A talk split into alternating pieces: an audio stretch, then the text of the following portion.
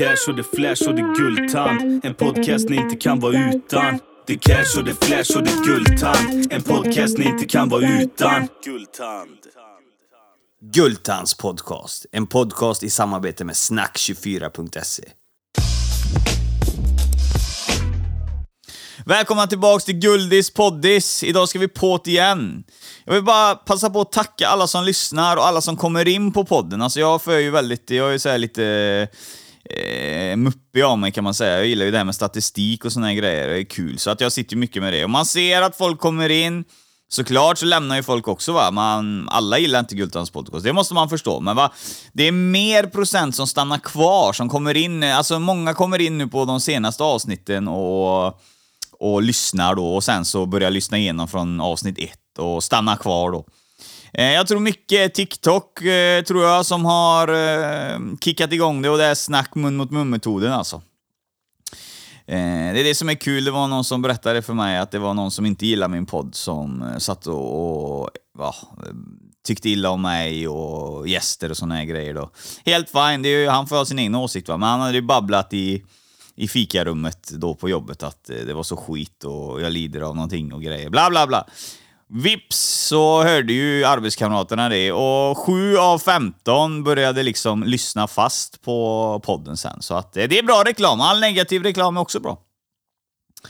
Förra veckan så snackade vi lite veterinär och det var ett jävligt uppskattat avsnitt. Jag har fått mycket meddelanden om det, att eh, både underlättade för djurägare och framtida djurägare. Och det är ju kul att folk som har varit djurägare i många år fick ut något, något nytt av det avsnittet. Själv eh, har jag tydligen hakat upp mig på någonting som hette eh, gastronomi eller någonting. Jag sa fel där, han försökte rätta mig men han tröttnade sen. Men så är läget. Här klipper vi inte bort någonting utan vi ska hålla det så naturligt som möjligt. Det är det som gör att vi skiljer oss åt andra poddar som är helt eh, manusbelagda och de sitter med papper högt och lågt och är helt jävla värdelösa. Eh, men här har vi trevligt och kul. Och idag så ska vi eh, gå tillbaka till eh, damernas eh, avsnitt och vi ska snacka med Sanna Baby, eh, även ja, riktiga namnet är Sanna Centio. Det ska bli ett kul avsnitt. Jag jobbade ihop med hennes stora syster eh, på den tiden jag var matbloggare. Eh, och eh, hon hjälpte mig att effektivisera min marknadsföring kan man säga. Och eh, det är någonting som jag går och funderar på ibland, det här med matblogg. Alltså, jag hade en av Sveriges största matsidor liksom och det söp man bort liksom. Det ska vi inte göra med den här podden. Så att, eh, ja.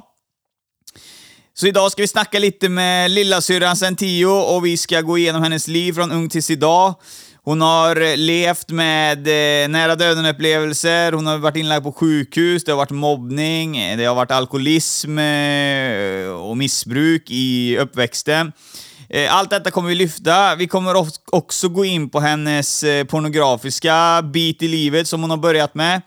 Hon är proffs på att ge runkinstruktioner. Har vi tur här så kommer vi få en i podden då där hon kommer eh, att runka av en penna här för att se hur, jag ifrågasätter henne, hur fan man kan leva på det med runkinstruktioner. För det är bara att dra upp och ner så är det klart. Men eh, vem vet, vi får se. Det är ett jävligt eh, spännande avsnitt och eh, jag tycker att vi alla ska ta en betänkare hur vi beter oss i samhället. Mobba människor och frysa ut människor och sånt här, det är aldrig bra i vilken ålder vi än är i. Utan eh, vi ska försöka tänka oss för och låta människor vara eh, hur man än är. Det är viktigt. Eh, Samhället går åt helvete. Det är kört för Sverige. Det kommer aldrig bli bra här, ni som sitter och tror det. Utan det finns ingen regering eller eh, statsminister eller vad fan hon nu är som kommer kunna fixa detta. Eh, snacka går, men eh, leverera kommer de aldrig göra. Utan det är nog, eh, ansvaret ligger nog på oss människor eh, att eh, vi ska eh, få en bättre miljö eh, för framtiden. Eh, levnadsstandard, tror jag i alla fall. Eh, sen kommer vi inte kunna ändra på alla människor, men eh, man ska göra så gott man kan. Och eh, jag tycker eh, jag sköter mig rätt bra faktiskt. Jag låter alla eh, vara som de är och så. Visst, jag har mina downs och jag har mina eh, åsikter så va, men eh, jag tycker vi lever bra. Jag tycker man ska se om sitt egna hus och sina egna åsikter istället för att lägga sig i andras business. Ja, då fick vi det lite. Och samma då, den här boken då som vi är med Jag hoppas ni börjar köpa den nu, för den börjar putta ut. Jag kommer få hem mina ex här snart, som jag kommer ha i studion. Det lilla landet som ångrar sig med Jens Galman och Mustafa Pancini. De har varit här och intervjuat eh, podden och vi är med i ett kapitel där, där vi snackar lite historia om eh, hur vi eh, ja, arbetar och hur det ser ut i studion och såna här grejer. Nu var de ju i studion i Uddevalla. De har inte besökt studion i Göteborg och eh, vi kommer ju snart inom kort framtid att öppna studio i Stockholm och Helsingborg. Så att eh, det smäller på lite kan man säga. Och eh, det kommer släppas en podd, alltså en ny podcast i Danmark, eh, men man kommer kunna lyssna på den på Spotify. Det blir som en systerpodd till Gultans podcast. De har eh, tagit mitt koncept kan man säga. Alltså inte tagit, utan vi har ju eh, ja, eh, förhandlat fram det här då, att det ska bli en systerpodd. Och eh, jag fick ett samtal förra veckan och norrmännen är lika sugna på att öppna någonting där, så att eh, Ja, eh, det, det växer så det knakar kan man säga, så snart eh, sitter man väl på Bahamas med någon eh, paraplydrink och, och rullar tum. Nej då, jag vet inte. Men det går framåt och det betyder ju att vi gör någonting som är kul att lyssna på. Jag vet att det är jävligt känsliga ämnen och eh, sånt här va, men eh, eh jag vet inte, från grunden sen ung så det finns ju ingen som kan säga att jag ehm, eh, jag har kommit på detta nu, va? utan jag har alltid varit intresserad av den här sfären. Och det är någonting som jag står för mot vad många andra gör. Alltså, jag gillar stripp stripper, eh, Alltså snacka om sex och såna grejer, alltså det, det ligger ju i mitt egna intresse. Va? Jag är lika eh, intresserad av det på hemmaplan med frugan typ, eh, och utforska grejer och sånt där. Så att det... nej men visst alltså, det, alltså... Eh, tro det eller ej, men just den eh, sexindustrin då, eller vad man ska säga, det är ett av världens största marknader. Alltså det, det, det, det finns både grejer att göra här livet ut och det finns enorma pengar att hämta om du prickar rätt eh, saker i den här branschen. Och det är någonting som jag, eh, ja, det finns många som stöttar det och jag är väl en av dem som stöttar det. Jag tycker att eh, vill man vara strippa eller vill man göra olika saker så gör man precis som man vill. Eh, sen så att vi kan mjölka ut några fina intervjuer, det är helt jävla fantastiskt. Eh, så. så att eh, häng med här i framtiden så ni inte missar någonting. Och då är det ju Gultans podcast på Instagram, ett Gultans podcast och ett Gultans podcast 1. Det är ju ett reservkonto. Eh, för när man jobbar i den här branschen så är det jävligt eh, vanligt att man blir avstängd. Jag får ju dubbelkolla mina klipp kanske hundra gånger innan jag lägger ut någonting för att se så ingen säger något felaktigt. Eller visar en liten touch av eh, fiffin eller någon bröstvårta eller dicken, något sånt där. Det, det måste bort direkt, för annars blir man avstängd. Så är det med det. Jag kommer ha en utlottning här framöver eh, på ett, eh, vad fan är det? Det är en lovebox är det, med eh, blindfold, bondage rope, 5 meter, furry handcuffs, furry ankle cuffs, collar with leash, feather, ticker, flogger, spanking pedal, nipple clamps och ball gag. Color black. Det är en låda då som eh, eh du kan ge till frugan på alla hjärtans dag eller om du vill ge till gubben om du känner att han eh, bara vill köra missionären och du vill komma med något eh, inflik. Så att det är någonting som jag kommer lotta ut här, en sån här låda då från Lovebox. Och det är ingen reklamsamarbete eller någonting, utan inget betalt samarbete överhuvudtaget. Utan jag vet inte ens vad det är för företag, utan jag kom över den här lådan på en eh, sån här eh, erotikmässa då, eh, fick jag en sån låda och eh, jag har ingen nytta av den, för jag har redan alla de grejerna. Så att, eh, jag tänkte att jag ska lotta ut den så vi får lite trafik här på Instagram. Men eh, ni märker när det kommer. Eh, och eh, jag har väl inte så mycket mer att tugga om. Det är ett jävligt långt intro. Det var fan roligt att göra intro idag för en gång skulle Det blir så jävla tråkigt annars alltså. För jag brukar göra så här alltså. Jag intervjuar folk eh, och då säger jag alltid när vi börjar intervjun, du vet, då säger jag “Välkommen in i studion, eh, Katrin!” Och sen säger jag “Ja, tack så mycket och lycka till i livet, ha det bra!” och Sen bryter vi det, så brukar jag gå ner och spela in introna, du vet, någon vecka senare eller någon sån här grejer. Så det gäller fan mig att ha, skriva ner det så man kommer ihåg alla jävla avsnitt. Men idag var det kul. Annars är det fett tråkigt. Men... Eh, ja, nog om det. Ni, ni känner... Jag tror ni som eh, gillar Gultans podcast, jag har ju sett det nu va, att eh, det är mycket följare och sånt där. Så jag har ju sett det och ni som verkligen diggar podden, ni ska sitta lugnt i båten för det kommer hända mycket grejer. Eh, vi är långt ifrån, eh, vi var ju väldigt utsatta för det i början, att vi kommer ju dö, vi kommer ju lägga ner direkt nu och såna här grejer va. Men jag får in så jävla tråkiga frågor fortfarande liksom. Vad hände med samarbete? Vad hände med det? Alltså grejen är skitsamma vad som hände. Grejen är att vi har mer driv, vi är störst, vi, alltså vi, eh, vi köttar fram. Vi kommer inte lägga ner, utan vi kommer bara kriga vidare. Eh, så, och eh, jag ska snart göra en intervju med en dansk tidning och jag ska snart göra en intervju med en svensk tidning. Så att eh, Eh, målet börjar komma fram lite smått och det är att media kan ju inte blunda hur länge som helst för den här podden, för eh, typ alla lyssnar på den. Så att, eh, mm. Eh, och det är ju inget samhälle som jag, jag får in mycket det, ah, varför lyfter du sådana här ämnen och sådana här grejer, bla bla bla bla, varför lyfter du det, varför lyfter du det, varför lyfter du det? Alltså ämnena som jag har i min podd, det är ju ingenting som jag har skapat, utan det har ju alltid funnits, det är bara att ingen har pratat om det liksom. Eh, eller vågar ta upp det, så att, eh, ja. Just ja, ett tillägg där innan vi släpper in eh, Sanna Baby här i studion, det är att det här är ett korrekt inspelat avsnitt. Det betyder att eh, ljudinställningen är korrekt. Så jag hoppas på att ljudkvaliteten är så sensuell att ni njuter idag. För idag ska, ska jag inte vara för hög och hon ska inte vara för låg, utan vi ska ligga lika. Välkommen in i studion, Sanna Sentio, även kallad Sanna Baby. Och jag vet, jag uttalar ditt efternamn fel. Hur uttalar man det? Centio. Sentio. Ja. Eh, det lärde mig din eh, stora syster också. Jag, hon försökte lära mig att uttala ditt eh, namn, eh, eller ert namn rätt, men det gick åt helvete på den tiden med och det är ju tio år sedan. ja. Det är tur att ni kan rätta mig. Eh, idag så ska ju du vara med i ett avsnitt av Gultans podcast och vi kommer prata om livet från ung tills idag. Ja, det stämmer. Och där har vi ju jävligt mycket med på kritan som vi ska gå igenom. Ja, det har vi. Ja. Så att eh, vi smäller igång. Eh, hur gammal är du och vart är du född? Jag är 27 år och jag kommer från Göteborg. Mm. Nej, jag kommer inte från Göteborg. Jag brukar säga det, men jag kommer från Eskilstuna. Eskilstuna. Men jag bor i Göteborg. Eskilstuna är utanför Stockholm va? Ja, en timme ifrån. Ja. Är det en bra stad? Nej, Nej. nej. Göteborg är bättre. Ja, Det är bra. Okej, eh, så livet som liten för dig då, vad föddes du in till för familj? ja, var ska man börja någonstans egentligen? Eh, jag har haft en väldigt upp, upp, uppväxt faktiskt. Ja. Ehm, min pappa missbrukade när jag var ung och det var väl där allting började egentligen. Vad missbrukar han? alkohol. Vad jag Alkohol. vet. Jag vet inte om det var något annat men eh, alkohol var det. Mm. Jag minns i alla fall. Ja, okej. Och eh, det påverkar familjen såklart negativt. Ja, väldigt. Mm. Hur gammal var du när du fick, eh, ja, när du fick känna på att din pappa var alkoholmissbrukare?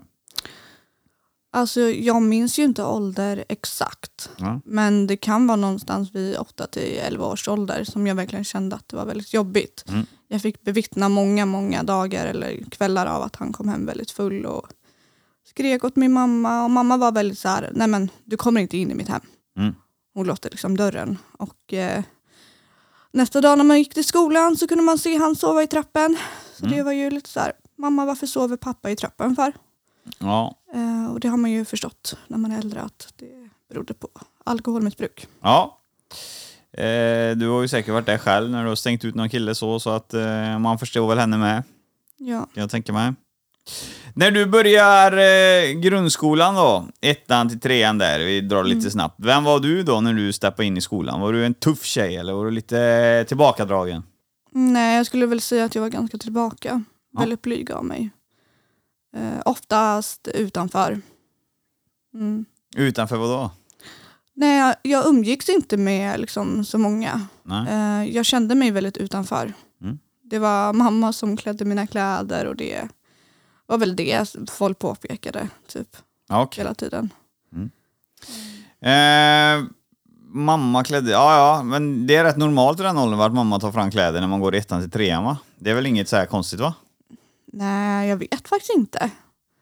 Ehm, jag tror att någonstans där så börjar man bestämma lite själv vad man vill ha på sig. Liksom. Men mamma var ju väldigt såhär, nej du ska ha detta och detta typ. Ehm, Ja, okej. eh, men det var väl lite det. eh, där det började liksom att det var kläderna, det var sneda tänder och Mm. ja. Hade du, är det, mm, är det någonting som du hade då? Sneda tänder eller var det? För det hade jag med. Ja, jag hade sneda tänder. Det var jag väldigt mobbad för när jag var liten. Ja, okej. Det var inte jag, men eh, jag fick fixa ut tandställning. Men ja. Mm. Eh, så att eh, du ser dig själv som eh, ett litet offer kanske i, i ettan, trean. Du var ett offer där eller för eh, mobbare typ, eller vad man ska säga. Ja, men det pågick väl, väldigt länge. Alltså fram till liksom gymnasiet, Mm. skulle jag säga. Ja, Jag vet inte om jag uttryckte mig rätt överhuvudtaget, men eh, du fattar vad jag menar. Jag menar i alla fall att du blev, eh, du blev retad då för vissa ja, saker. Ja, Och det började, började redan i grundskolan det där? ja, Ja, okej. det gjorde det. Ja, eh, vi kommer ju in på det mer. Men eh, fritidsintressen då? Du hade inte så mycket kompisar säger du. Vad gjorde du på fritiden då, när du var liten i den här åldern? Mm, Jag, jag minns att jag red. Ja. Att jag, ja, jag gick på ridskola. Ja. Eh, och det tyckte jag var väldigt roligt. Sen Ja, hade jag även en låtsad kompis som var en enhörning. okej. Eh, så det, jag tror det blev min trygga punkt när min pappa liksom missbrukade och jag inte hade så många vänner. Mm. Så använde jag väl det som någon slags eh, alltså flykt ifrån allting. En låtsaskompis? Ja, Ja, jag tror det är rätt vanligt det där. Jag pratar, jag har ingen låtsaskompis men jag pratar mycket med mig själv. eh, Och spekulerar mycket så att, eh, jag vet inte. Jag tror eh, eh, fantasi är bra. Det är bra, kan rädda många situationer. kanske. Ja, jag vet inte. Okej, eh, syrran då? Eh, ni hittade inte på någonting då på, lekte ni inte med varandra och sådana grejer? Eller hade ni olika umgängen? Mm, alltså hon var ju väldigt tuff i den åldern. Mm. Um, hon umgicks med väldigt så här, tuffa grabbar och hon hamnade på LVU ett tag. Eh, så att jag hade inte riktigt min syster i den åldern, eh, när hon var tonåring. Liksom. Eh, men eh, hon blev min trygga punkt när jag gick någon gång i typ sexan, åttan, nian. Där. Då blev hon min trygga punkt. Ja. Ja, det är som sagt, det, den tösen hade ju också, hon hade ju höga, eh, hög pondus på sin tid eh, och var väldigt arbetsvillig när vi jobbade ihop eh, för tio, ja, det är nog tio, tio år sedan kanske. Mm. Fan mer, det är fan eh, nästan eh, 15 år sedan. Jag är gammal nu, jag är 15 år 36. sedan. Vet. du. Oj. Hur gammal är hon? Hon är 30. Ja, då är det ju lite äldre då. Nej, för hur gammal var fan var hon? Nu behöver vi inte nämna hans namn. Hur gammal var hon när hon var tillsammans med den killen som jag jobbade med? Oj, vad kan hon varit? 21 kanske? Ja, det kan nog stämma. Ja. Eh, 21 då. Och... Ah, ja, skitsamma. Det är väl 10 10-15 år sedan i alla fall. Mm. Ja, i alla fall. Ja, eh, vi tuffar vidare. Jag tänker så här då, skolan överlag, är du smart? Eh, hade du bra betyg och sådana grejer? Nej, faktiskt inte. Nej. Eh, jag skolkade väldigt mycket på grund av mobbning. Ja, förståeligt. Mm. Den här mobbningen då, när, i början ser du att den tar, den tar fart redan i ettan till trean, men där hänger ju med hela skolgången. Ja, Vad ja. är, vad är det mer, eller hakar de bara upp sig på tänderna, eller vad är det mer de mobbar dig för? Nej, alltså det blev ju grövre och grövre. Okej. Eh, det rörde sig om eh, min kropp, det rörde sig om min panna framförallt. Min panna blev ett stort fokus. Eh, de började kalla mig för alien. Okej. Ehm, och eh, ja, men det, det tog sig väldigt långt. Ehm, eh, en gång så var det en hel korridor som liksom mobbade mig. Jag stod i ett litet, litet hörn och eh, det var rast. Mm. Och eh, då var det en uppkäftig tjej från tredje ring som det hette då, andra ring, någonstans där.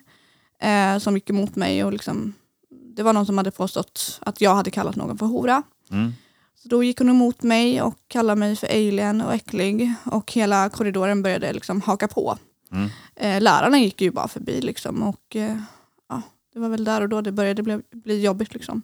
Okej. Där de puttade in mig i en glasruta, de började röra sig mot väggarna och säga att jag hade löss och vi anmälde skolan men det gick aldrig vidare och ja, Nej, hardcore mobbning är det. Det är ingen, det är ingen så här små, utan det är ju riktigt stor mobbning då. Ja, det blev väldigt stort. Eh, det rörde sig också på fritiden, där de började göra olika kickgrupper som det hette då. Eh, de började redigera bilder på mig, skriva alien, eh, IT, allt möjligt. Alltså det var väldigt, väldigt stort. Och det gick så långt att jag ringde till sjukhuset och bad dem om att göra en hårtransplantation på mig som 14-åring. Eh, och det gick ju såklart inte igenom men eh, jag hotade ju med att jag skulle ta mitt liv om Mm. de inte gjorde det. Eh, och jag är glad att jag inte gjorde det idag. Ja, det förstår jag. Men det blev väldigt, väldigt jobbigt. Ja. Det är tragiskt med mobbning på en sån nivå. När det, ja, det är tragiskt med mobbning överlag är det. Eh, För det skadar mycket och så här då med ta sitt liv och såna här grejer. Mm. Eh, och vad jag har fattat som när vi har rekat så är det någonting, mobbningen hänger ju med dig hela livet eh, i skolan och såna här grejer. Så att, eh, och det är lite trassligt i skolan. Vi kan, hur går det hemma då? Eh, vi behöver inte rota igenom ettan, tvåan, tre, fyra, fem, sex, sju, åtta, nio, utan det är ju samma linje ungefär. Men eh, har du någon händelse i hemmet, blir det bättre där eller hur går det med farsan och supandet? Har du någon, får du någon trygghet hemma? Alltså min pappa slutade ju dricka ett tag. Men eh, på grund av alkoholen så blev han väldigt egoistisk. Eh, narcissist med andra ord. Eh, så att jag kände väl aldrig att han var riktigt där. Mamma tog hand om allt. Eh, och hon fick även hjärtinfarkter. Mm. Det var väldigt tufft. De separerade. Eh, så det, det var väldigt mycket händelser som hände hela tiden. Och sen så bytte jag ju skola och hamnade på en engelsk skola. Och det, det blev ju betydligt mycket bättre för mig men då slår det till med något annat eh, tragiskt. Jag får njursvikt. Ja. Eh, hur gamla var vi här när vi bytte skola? Jag var 14. 14. Så Ja. du byter i högstadiet då? Ja. Mm. Och då avslutar vi den gamla skolan med att det var då bara skit och piss och mobbning. Det var inget, eh, du har inget annat att ta med dig därifrån som du behöver ta upp som har någon stor del i historien här? Nej, eh, jag tror de flesta vet liksom att eller många kanske har hört den historien om när jag har berättat att eh, jag blev mobbad och kallad för alien och uthängd. Eh, ja, På social media, uthängd där då. Ja, ja men precis.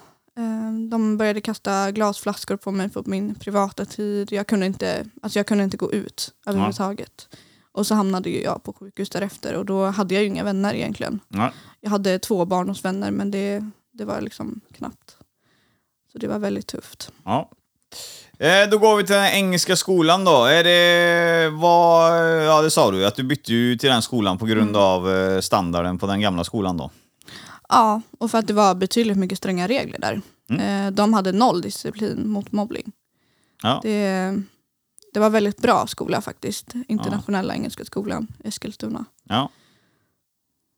Ehm, mm. Och hade man eh, olika kläder, hade man så här klädeskoder eller vadå? Hade du skoluniform? Nej, det hade man inte. Nej. Men eh, det var liksom alfabetisk ordning, man fick inte ha mobil eller tuggummi.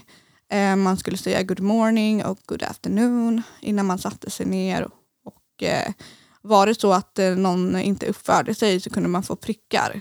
Och fick man en tredje prick då blev man helt avstängd från skolan. Eh, så det var väldigt bra.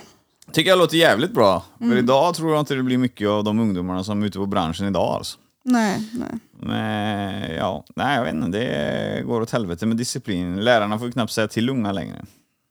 Ja, det är inte alls bra. Nej, men det, det drabbas ju av, med tanke på om vissa mobbar då. Och Mm. de, vi säger, nu är jag mobbare i skolan. Mm. Och mobbar, nu mobbar jag det här.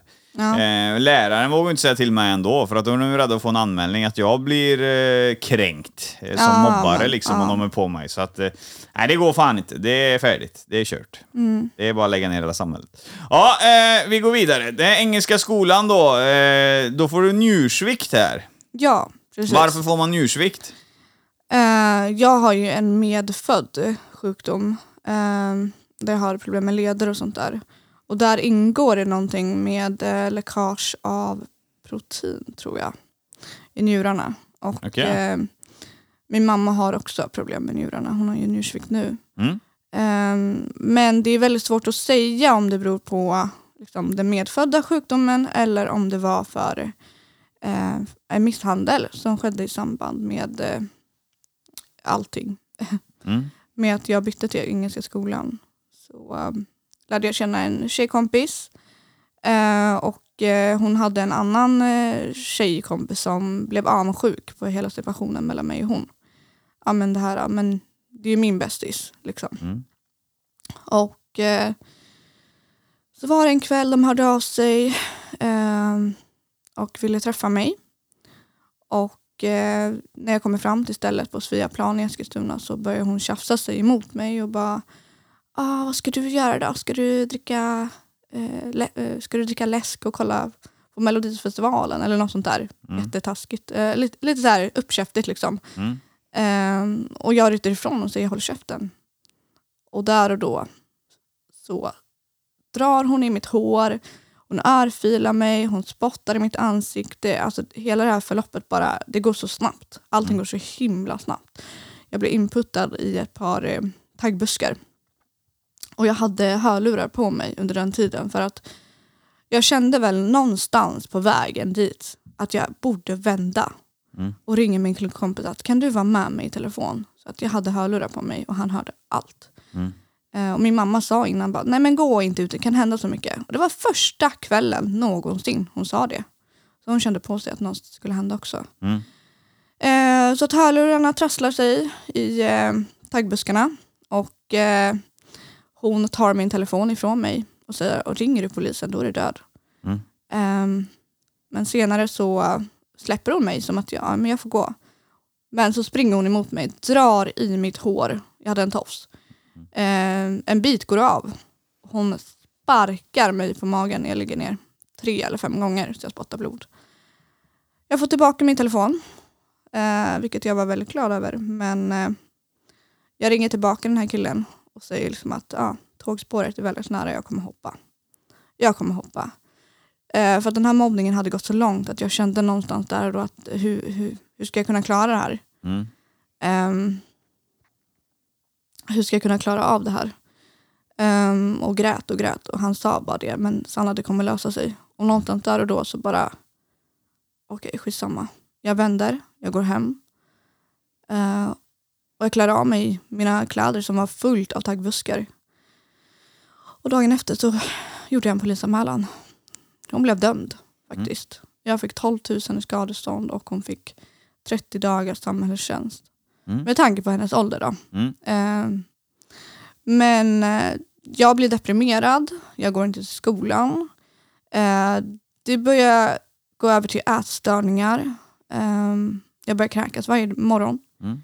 Och mamma börjar se ett mönster att nej men nu, nu har det gått nästan tre månader Sanna. Du har inte gått till skolan, du mår dåligt, du har feber. Vi måste ta prover. Eh, vi kommer in till sjukhuset, tar proverna, åker hem. Eh, de ringer mig samma dag, runt klockan fem och bara Sanna, du måste komma till sjukhuset nu. Det är allvarligt. Mamma och jag börjar packa allt möjligt. Jag, jag packar jättekonstiga grejer. jag visste inte riktigt var jag skulle ta vägen. Ehm, när jag kommer till sjukhuset så får jag sätta mig på en sån här läkarbrits. Det kommer in en doktor. Han säger till mig, Sanna, du har njursvikt. Mm. Jag förstår ingenting som 14-åring. Jag, jag, jag bara, va? Vad är det? Um, ditt kreatininvärde, det ska ligga under 70, men det ligger på 1050. Mm.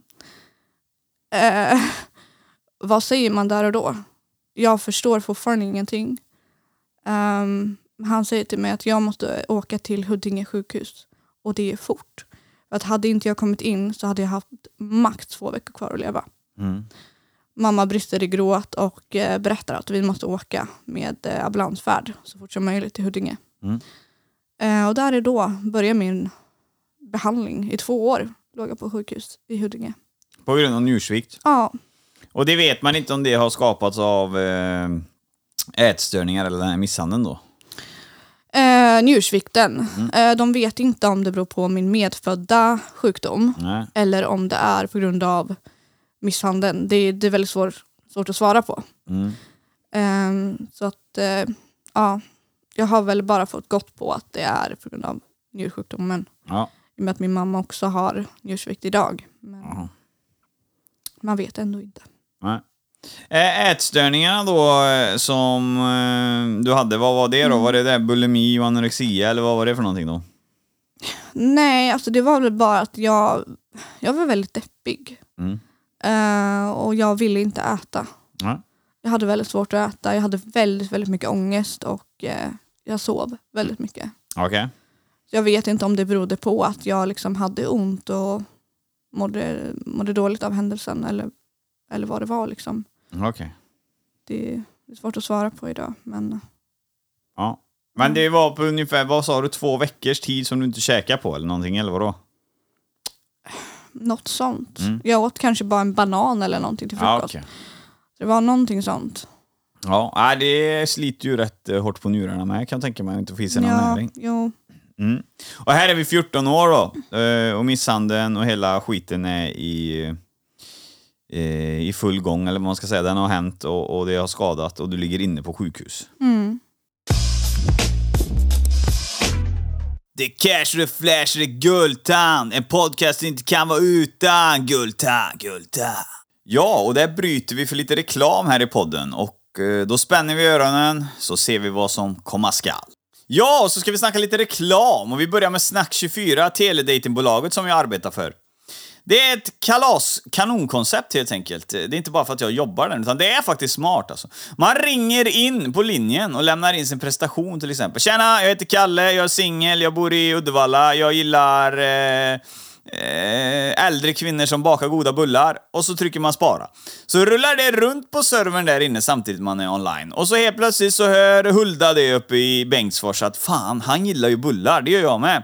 Då klickar hon ah, “Jag vill prata med honom” och då får hon upp alternativ. Vill hon skicka meddelande eller vill hon prata live? Och då väljer hon själv där. Och till slut så har vi en match då. Då eh, kan man prata med varandra och boka upp en dejt eller hur man vill göra. Så att det är helt klart värt att prova eh, om man har fastnat i de här tråkiga jävla datingapparna. där Man bara kollar på en bild och trycker like. Det är, det är ju piss. Eh, jag kan själv tycka det efter att ha intervjuat mycket folk så lär man sig mycket av en person när man pratar med den. Man får en uppfattning mycket lättare av personen än att titta på en bild. Eh, jag har ju tittat på mycket, bilder under min poddkarriär och det är liksom, ah fan vilken bra, ah, det här kommer bli svinbra, så blir det skitdåligt sen. Så att nej, det funkar skitbra på Snack24. Och det som är det bästa av allt, det är ju det att tjejer är ju lite blyga. Eh, så vi har lagt in en funktion där att tjejer ringer in gratis så att ni kan prata i lugn och ro och prova på och såna här grejer så att eh, ni blir varma i kläderna helt enkelt. Så helt klart, sitter du där hemma ensam och inte har någon att eh, gosa med eller dela med dig av dagen, så ring inte Snack24 så kanske du har det om ett tag framöver. Om ni vill ha mer information om detta så går ni in på www.snack24.se. Nu ska vi snacka lite om Private Line, xxxprivateline.se. Så är inte adressen, utan det är bara privateline.se. Jag vill bara hetta till det lite där. Där kan du ringa in om du vill eh, förverkliga dina drömmar med telefonsex. Eh, och Eh, det är ju många som vill det faktiskt. Det är väldigt eh, populärt. Och många utav de tjejerna som har varit med i podden, de är faktiskt inne på de linjerna, så man kan prata direkt med dem då och eh, så. Så slipper man ju skriva till mig om man får tag på dem. Utan då kan ni ringa in till Private Line så eh, är de där inne och svävar runt. Så det är bara att koppla sig fram till den prestationen du tycker är intressant och så vips så har du ett direktsamtal. Och för mer information om detta så är det som gäller www.privateline.se alltså. Ja, och här var reklamen färdig för den här gången och jag lovar er, det kommer inget mer i det här avsnittet i alla fall. Nu kickar vi vidare! Och där inne ligger du två år eh, då på sjukhuset. Ja, precis. Med eh, dialysmaskin, inopererade slangar. Okej. Mm. Och hur tar detta sig? Alltså det är ju väldigt jobbigt. I och med att jag eh, strax innan jag åkte in var jag väldigt mobbad och liksom misshandlad och allting. Ehm, min mamma är ju med mig. Ehm, men eh, alltså mina vänner, det är ju liksom sjuksyrror. Jag hade inte så många att liksom prata med eller ventilera med. Så att jag började faktiskt lägga till folk på Facebook. Mm. Eh, ja, har du någon gång fått en vänförfrågan från mig så vet du. men eh, på den tiden var det väldigt där, ja, men, eh, Facebook kändistiden. Man hade mycket följare på Facebook och sådär. Ja. Eh, om någon minns det. Eh, och jag kände väl där och då att det är min chans att nå ut till folk. Så att jag började blogga. Jag började videovlogga på Videofy Me tror jag det hette. Eh, och där började rulla in folk som förstår, som har varit i samma situation. Eh, folk börjar kommentera att jag är stark. Och jag tror att min styrka har faktiskt kommit ifrån mina sociala eh, medier och mina följare. Ja. För att jag vore ingenstans utan dem. Nej. Det har varit min terapi, mina psykologer. Ja, ja. Men- Och socialiserat dig på social media. Ja, precis. Det blir dina vänner.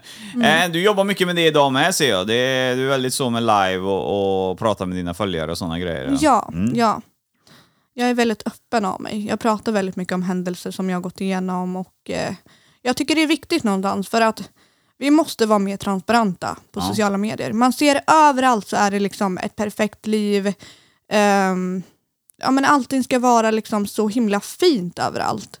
Man ska inte visa några känslor. eh, för då söker man uppmärksamhet och så vidare. Ehm, och alla influencers ska alltid vara så himla Ja, men, ja, nej, men jag tycker att man borde vara mer transparent och prata om händelser. För att om jag som privatperson går in på till exempel TikTok och jag ser bara att alla har det bra, då får jag en sorts social ångest. där Jag känner, oh shit, är det ingen som mår dåligt? Ja. Jag är ensam. Men om folk börjar vara lite mer transparenta och prata om sina händelser, sitt liv och så vidare, så tror jag att det kan bli en mer gemenskap där ingen känner sig ensam längre. Och jag tycker det är väldigt viktigt. Så det är därför jag är väldigt öppen. Eh, Ed Sheeran, vet du vem det är va? Ja, Ja. Han gick ut nyss med och sa det att eh, han använder ju knappt social media för han orkar inte titta på alla de här selfies och såna grejer. För han säger det att eh, alla som lägger ut en selfie så ler typ och är mycket glad hela tiden, lägger ut mycket selfiebilder och hela Ja. tiden. Det är de som mår dåligt egentligen då, eh, Ja. som lägger ut eh, det.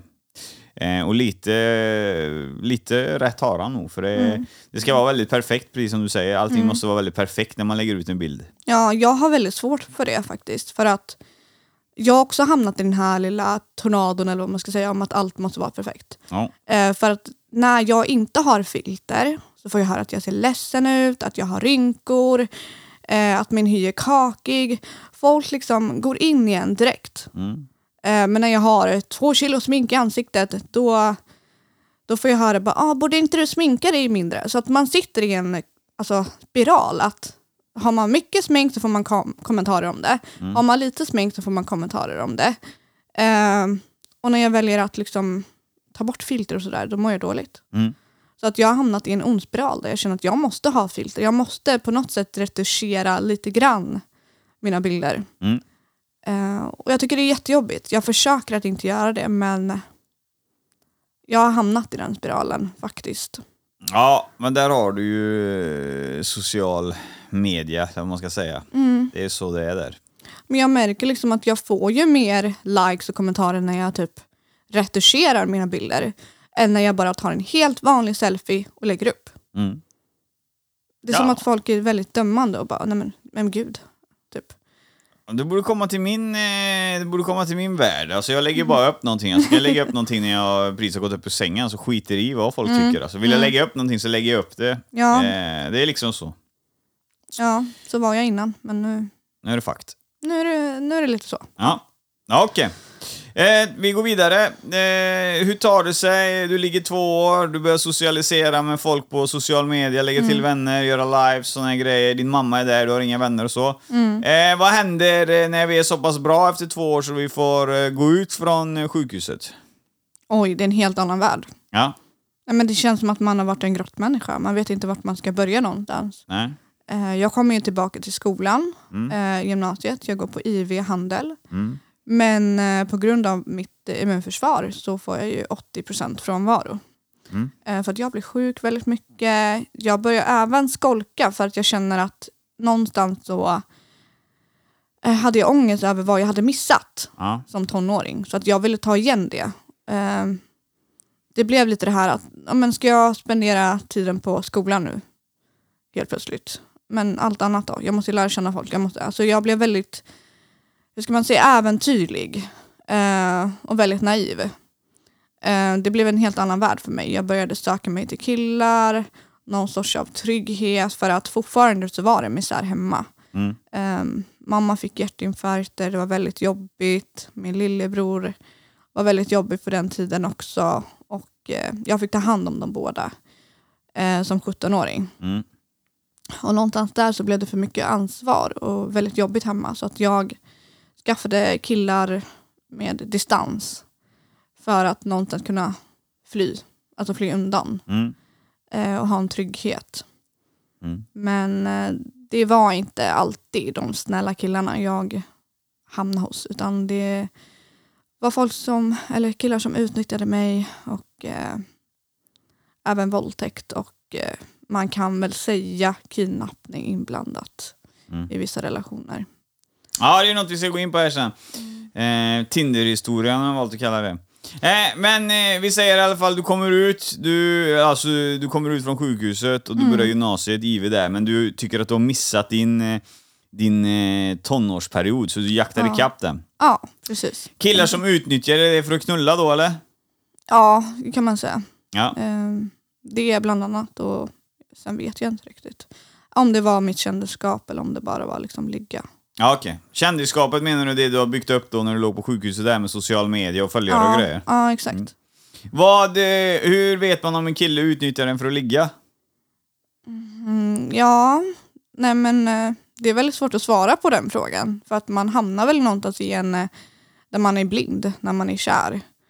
Eh, man är väldigt naiv men eh, oftast så är det ju de som är väldigt charmiga till en början. Mm. Vad jag har märkt. Eh, väldigt, väldigt charmiga, snälla. Eh, de bygger på en trygghet. För att eh, de vet vad jag har gått igenom. Och Mm. då är det som att de bara, men jag finns här för dig och sådär. Mm. Ehm, och så har man sex och sen så är det liksom, ja, jag finns här för dig och allt det där. Men eh, ja, jag vet inte riktigt hur man ska förklara situationen. Men eh, det är som att det inte är någon kärlek inblandat utan det är mestadels bara sex. Och sen så är det de här orden om att de finns där och bara men snälla eh, kan vi inte ligga ändå och sånt där. Och man går med på det. Man fattar nog inte där och då att, det, att de bara är ute efter sex. Att det inte är någon annan typ av relation. Nej. Ehm, Eh, och det har ju ni, alltså de är er jag poddar med, ni har en jävla förmåga att dra er till fel killar. Jag vet inte riktigt vad ni lider av alltså, men det är nästan 90% av alla mina tjejer, eller mina, alla mina poddtjejer som är med. De dras till fel killar. Det är lite konstigt det där. ja, intressant ändå. Ja, men det är någonting, det är den spänningen såna grejer. Den brukar, Eh, den brukar ni tröttna på sen när ni blir typ 25, 26, 27 år. Då, är det, då har ni tröttnat på det. Men eh, då har man ju tyvärr samlat på sig lite historia. Ja, Ja. ja. Okej, eh, så det är livet som är du, du mycket frånvaro då från eh, gymnasiet och hänger med killar och tar hand om eh, syskonen då. ja Hur precis. länge, hur länge går det ekorrhjulet med ohälsosamma relationer och, och ta hand om familjen och, och allting? Ja, jag tror det pågick fram till jag blev typ 24 kanske. Då jag flyttade till Göteborg.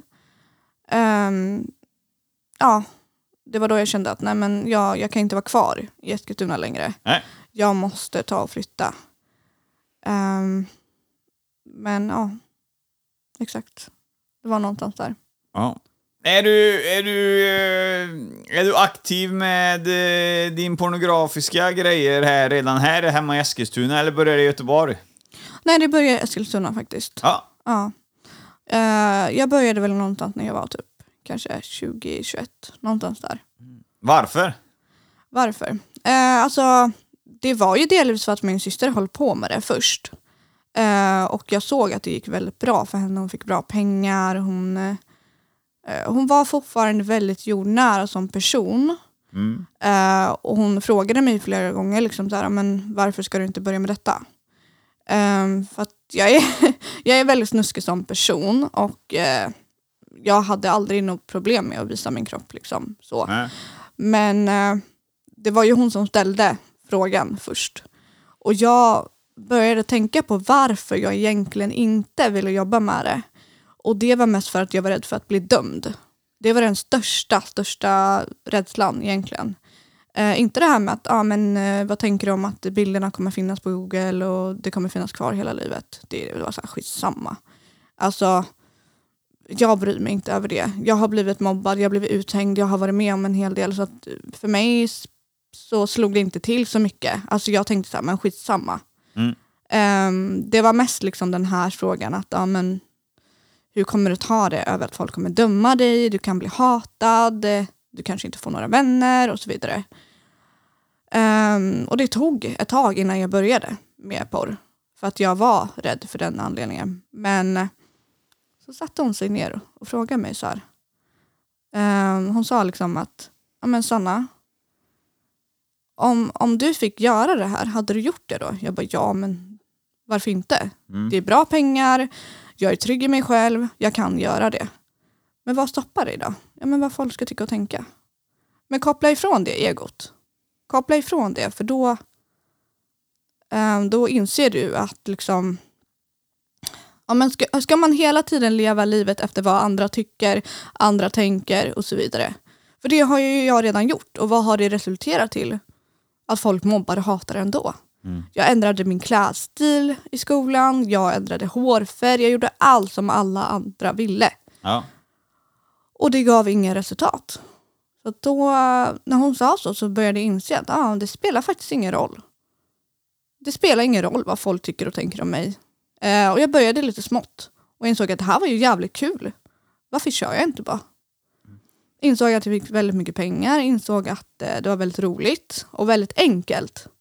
Ehm, för att jag vill inte ha ett jobb som är svårt. Jag vill ha ett väldigt fritt jobb där jag har ehm, där jag kan bestämma Mm. mina arbetstider. Eh, där jag har fritid, jag kan bestämma, jag kan prioritera. Mm. Eh, det har varit väldigt viktigt för mig och det är väldigt svårt att hitta ett svenssonjobb eller svenskt jobb eller vad man ska säga eh, idag som är så. Där man har sin fria tid, att välja sitt schema när man vill och att det ska vara enkelt och så vidare. Men när jag insåg att det var det med det här jobbet så kände jag att nej, men det, det är nog det här jag ska satsa på. Mm. Eh, ja. Vad var dina introduktionsporrgrejer då? Var det solo med dig själv hade du, eller hade du en skådespelare med direkt? Nej, jag började lite med typ Snapchat story på den tiden, privat story. Ja. Eh, och då var det ju mest liksom från bh till onani och lite sånt där milt. Ja. Eh, men ju mer bekväm jag blev desto, desto grövre grejer kom fram. Liksom. Eh, och nu sitter jag här och skiter fullständigt i vad folk tycker om mig. Mm. Nu knullas det på film i alla fall.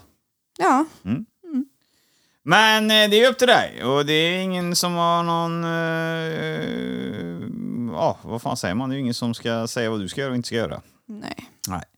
Men det här är ju ett kapitel med porren som eh, kommer in lite senare. Vi har ju...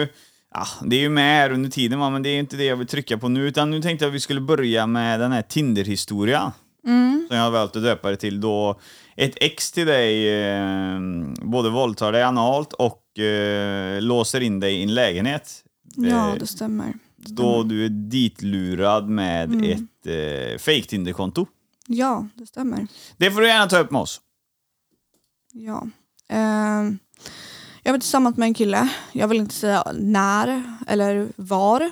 För att jag är rädd att folk kan få fram det. Mm. Ehm, men ehm, vi var tillsammans. Ehm, jag gjorde då slut med honom på grund av eh, en våldtäkt eh, som skedde när vi var ute. Vi hade druckit och eh, jag kommer hem och jag somnar på mage.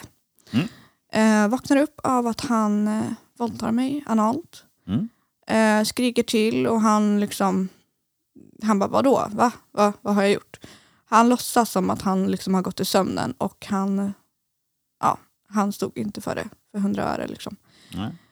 Eh, det var väldigt svårt för mig. Eh, jag kunde inte kolla in i hans ögon. Jag försökte ändå, väldigt dumt, men man borde lämna så fort, så fort det händer. Men jag var väldigt så här, ja, men, försökte reflektera situationen. Och bara, men är det så att han har råkat göra det här eller är det på riktigt? Eh, men jag bestämde till slut för att nej, men jag lämnar och jag åker hem till Eskilstuna. Mm. Eh, vi hade fortfarande kontakt på Messenger. Eh, delvis för att jag glömde min dator kvar hos honom och kläder. Jag fick inte plats med allt när jag åkte hem. Eh, och eh, det går väl inte så jättelång tid, kanske någon månad eller något sånt. Och eh, jag skaffar Tinder. Jag matchar med en kille på Tinder och den här killen var då mitt ex, vilket jag inte visste om. Eh, vi skriver om allt. Alltså allt. Det är från stjärntecken, det är från eh, livssituationer, planer, eh, allt möjligt. Mm. Och han vet exakt hur han ska prata med mig och hur han ska bemöta mig, vilket är lite läskigt.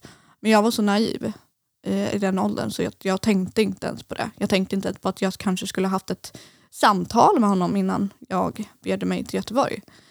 Eh, men eftersom att eh, eh, det var mitt ex så planerade han in allting i förväg.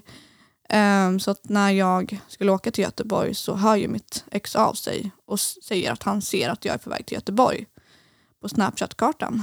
Och eh, han frågar mig om eh, jag behöver skjuts någonstans, om jag ska hämta grejer åt honom. Eh, och jag säger, ja men det kan ju vara bra. Jag kan ju hämta min dator hos dig. Liksom. Mm. Och han bara, ja, men jag kan hämta dig på stationen. Och det är bara sånt flyt. Alltså det är verkligen, alltså hur han planerar allting, det är bara sånt jävla flyt. Mm. Ehm, så att han hämtar upp mig på stationen. Vi åker till honom. Hans föräldrar är inte hemma. Och eh, jag lämnar kvar resväskan och mobilen i hallen. För jag tänker jag ska bara snabbt hämta min dator och lite kläder. Men eh, då låser han in mig i rummet. Han stänger igen dörren och låser. Det fanns en, eh, som en nyckel på baksidan av dörren. Eh, så att jag börjar skrika och bara hallå vad håller du på med? Öppna, hallå, hallå, öppna. Skriker hans namn flera gånger och börjar banka och jag blir livrädd. Jag bara vad kommer hända nu? Vad kommer hända nu? Mm. Eh, lite senare så kommer han ju in i rummet och eh, ehm, han säger till mig att, eh, liksom att ah, men kan vi inte lösa det här? Kan inte vi bli tillsammans igen? Mm. Och jag säger nej, det går inte. Det går inte. Jag kan inte förlåta dig för det här. Eh, och han blir väldigt arg mot mig och säger liksom att nej men då får det vara här. Stänger igen dörren igen. Okej. Ehm, den här händelsen blir väldigt eh, jobbig att prata om och väldigt blurrig. Eh, I och med att jag var instängd i tre veckor. Mm. Och jag minns inte tidförloppet överhuvudtaget. Jag har ingen klocka. Jag har ingen tv. Jag har ingenting i rummet som kan relatera till vilket datum eller vilka tider han kom in i rummet. Nej. Ehm, Men han fattat det rätt, alltså det här är en lägenhet och där hans föräldrar bor i också, eller vadå? ja, Ja. hans föräldrar bodde. Det är, det är ett hus. Är det. Ett hus? Ja, Okej, okej. hus. Och hur länge... Ja, Jag vet inte om du tog upp det, jag missade det så fall. Hur, hur länge var du instängd här? Eller hur länge kidnappade han dig, jag måste säga? Oj, förlåt. Eh, alltså jag har ju räknat ut datumen eh, från när jag kom dit och när jag åkte hem.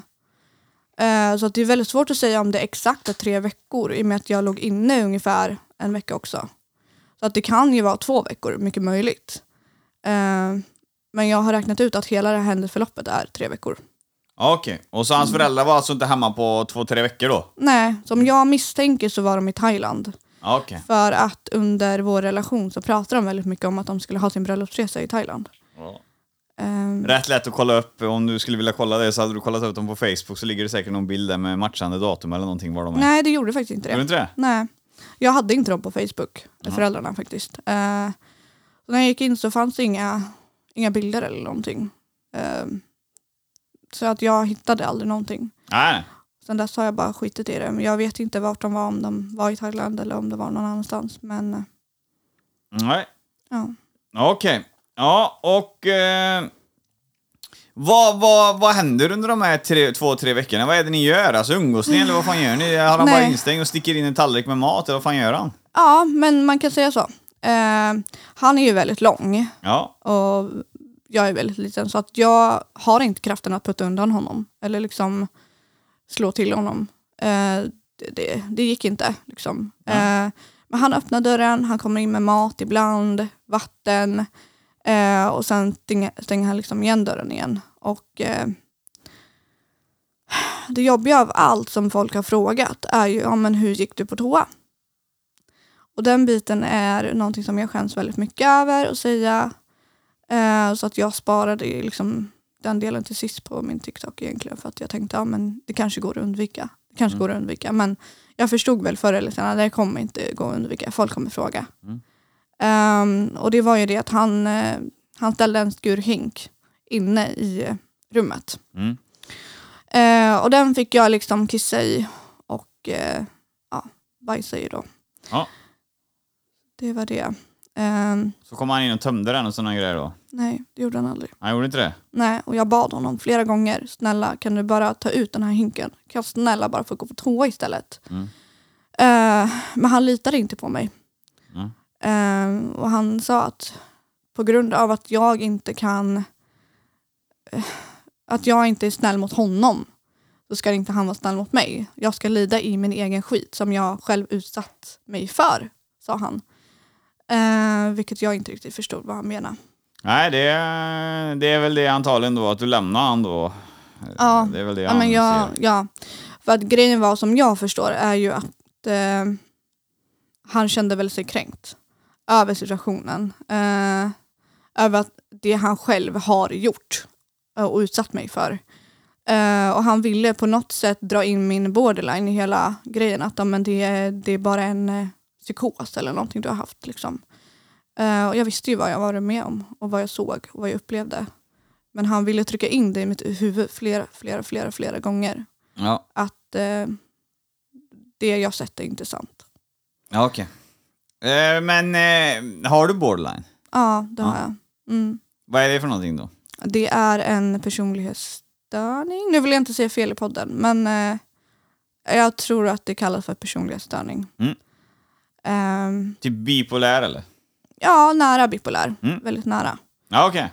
Ehm, och idag är jag inte på kriterie tre, utan jag är väldigt medveten borderline. Mm.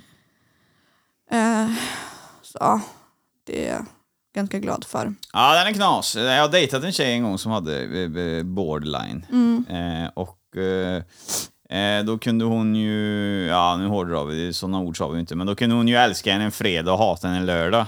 Bara att man har sovit sju timmar emellan, det har inte hänt någonting. Det, det vänder rätt fort alltså. Ja, det kan ju göra det. Mm. Det beror på hur, eh, hur man hanterar sin borderline, om man är medveten eh, och sådär. Mm. Eh, Men det är ju väldigt starka känslor. Oftast så hamnar det mycket i separationsångest. Ja, Okej. Att man har svårt att vara ensam och eh,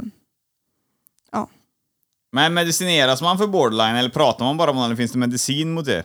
Det finns eh, terapi. DBT, KBT och någonting sånt där. Ja. Eh, så jag väntar ju på att jag ska få hjälp med, med det. Eh, delvis för att jag måste bearbeta mina trauman.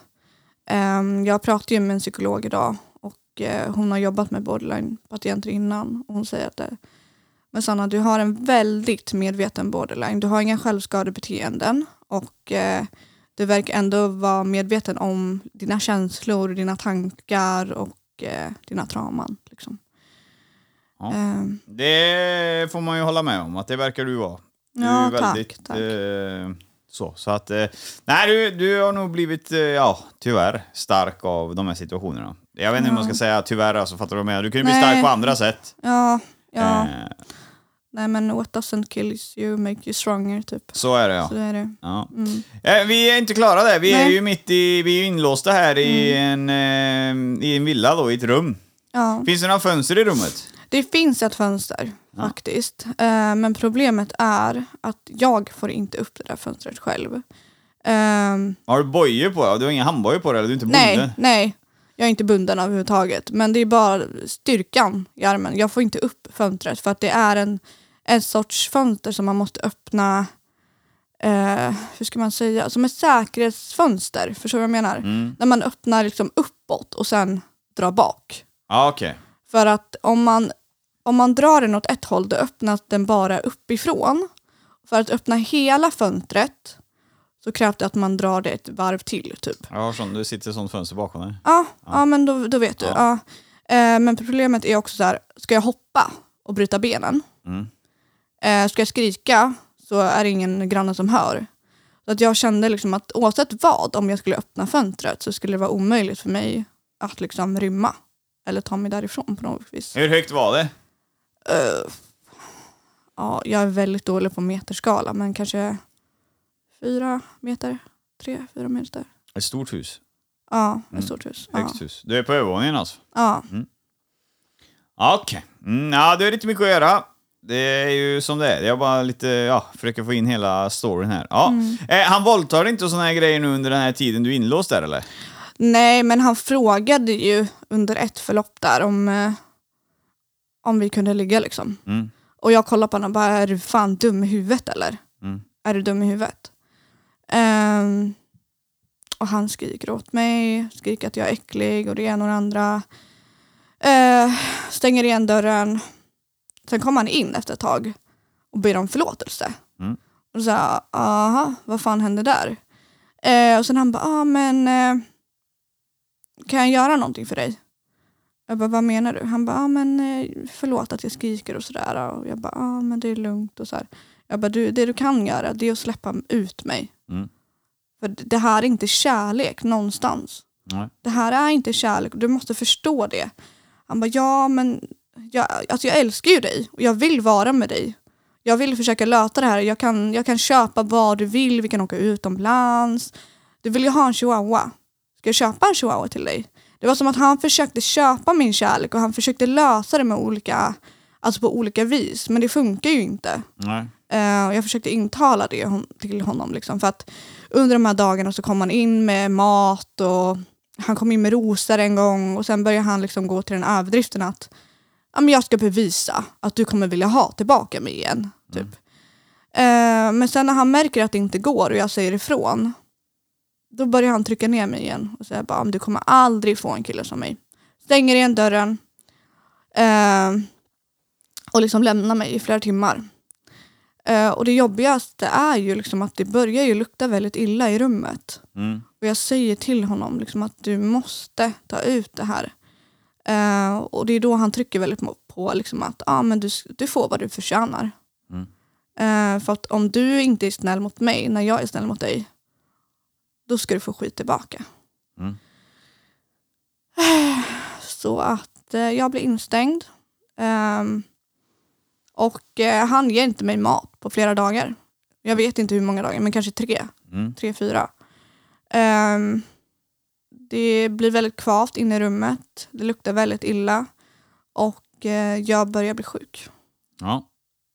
Så det är där och då som allting liksom eh, blir väldigt allvarligt. Och eh, ehm, han kom in i rummet och kände på min panna liksom att jag har feber. Eh, men eh, först, alltså första, första stunden så var det som att han bara, nej det går över. Eh, men sen kom han in, jag vet inte när, men han kommer in en gång till. Och jag ligger i sängen, alltså jag är svettig som fan. Jag mår väldigt illa. Jag spyr i den här hinken till slut. Mm. Eh, och jag säger till honom, vi måste till sjukhuset. Du måste köra mig till sjukhuset. Och han bara, men lovar du då? Lovar du att du inte berättar det här till någon? Mm. Eh, och jag får ju bara, ja. Om du räddar mig nu så lovar jag att jag aldrig berättar det här. Mm. Eh, jag tänkte på min hälsa. Ja, det förstår jag. Eh, och jag tänkte skitsamma.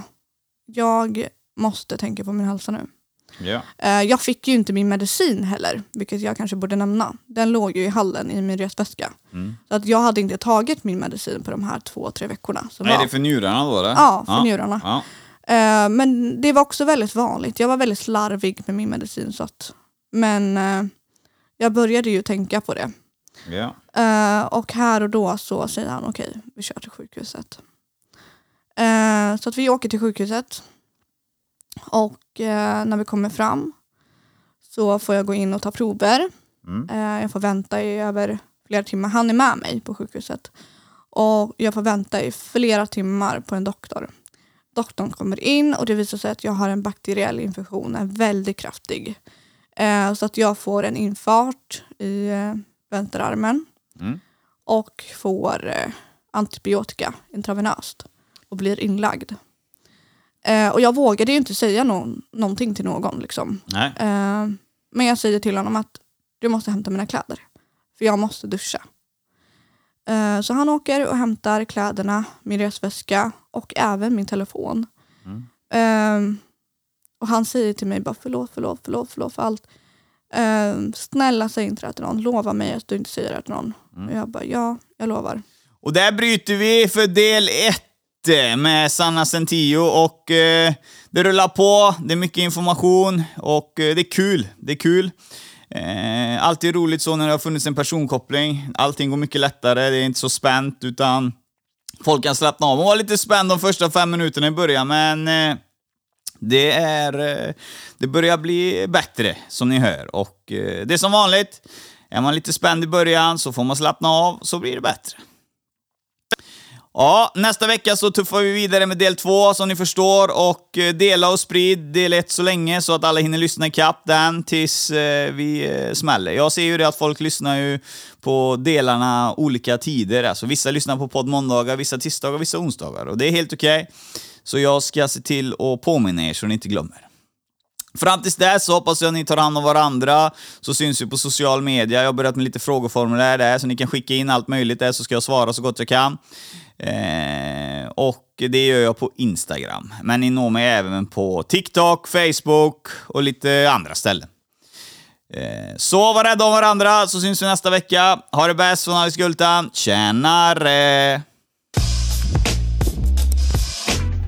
Gultans podcast. En podcast i samarbete med snack24.se. Gultan. Gultan. Cash och det flash och det guldtand. En podcast ni inte kan vara utan. Det cash och det flash och det guldtand. En podcast ni inte kan vara utan. Guldtand.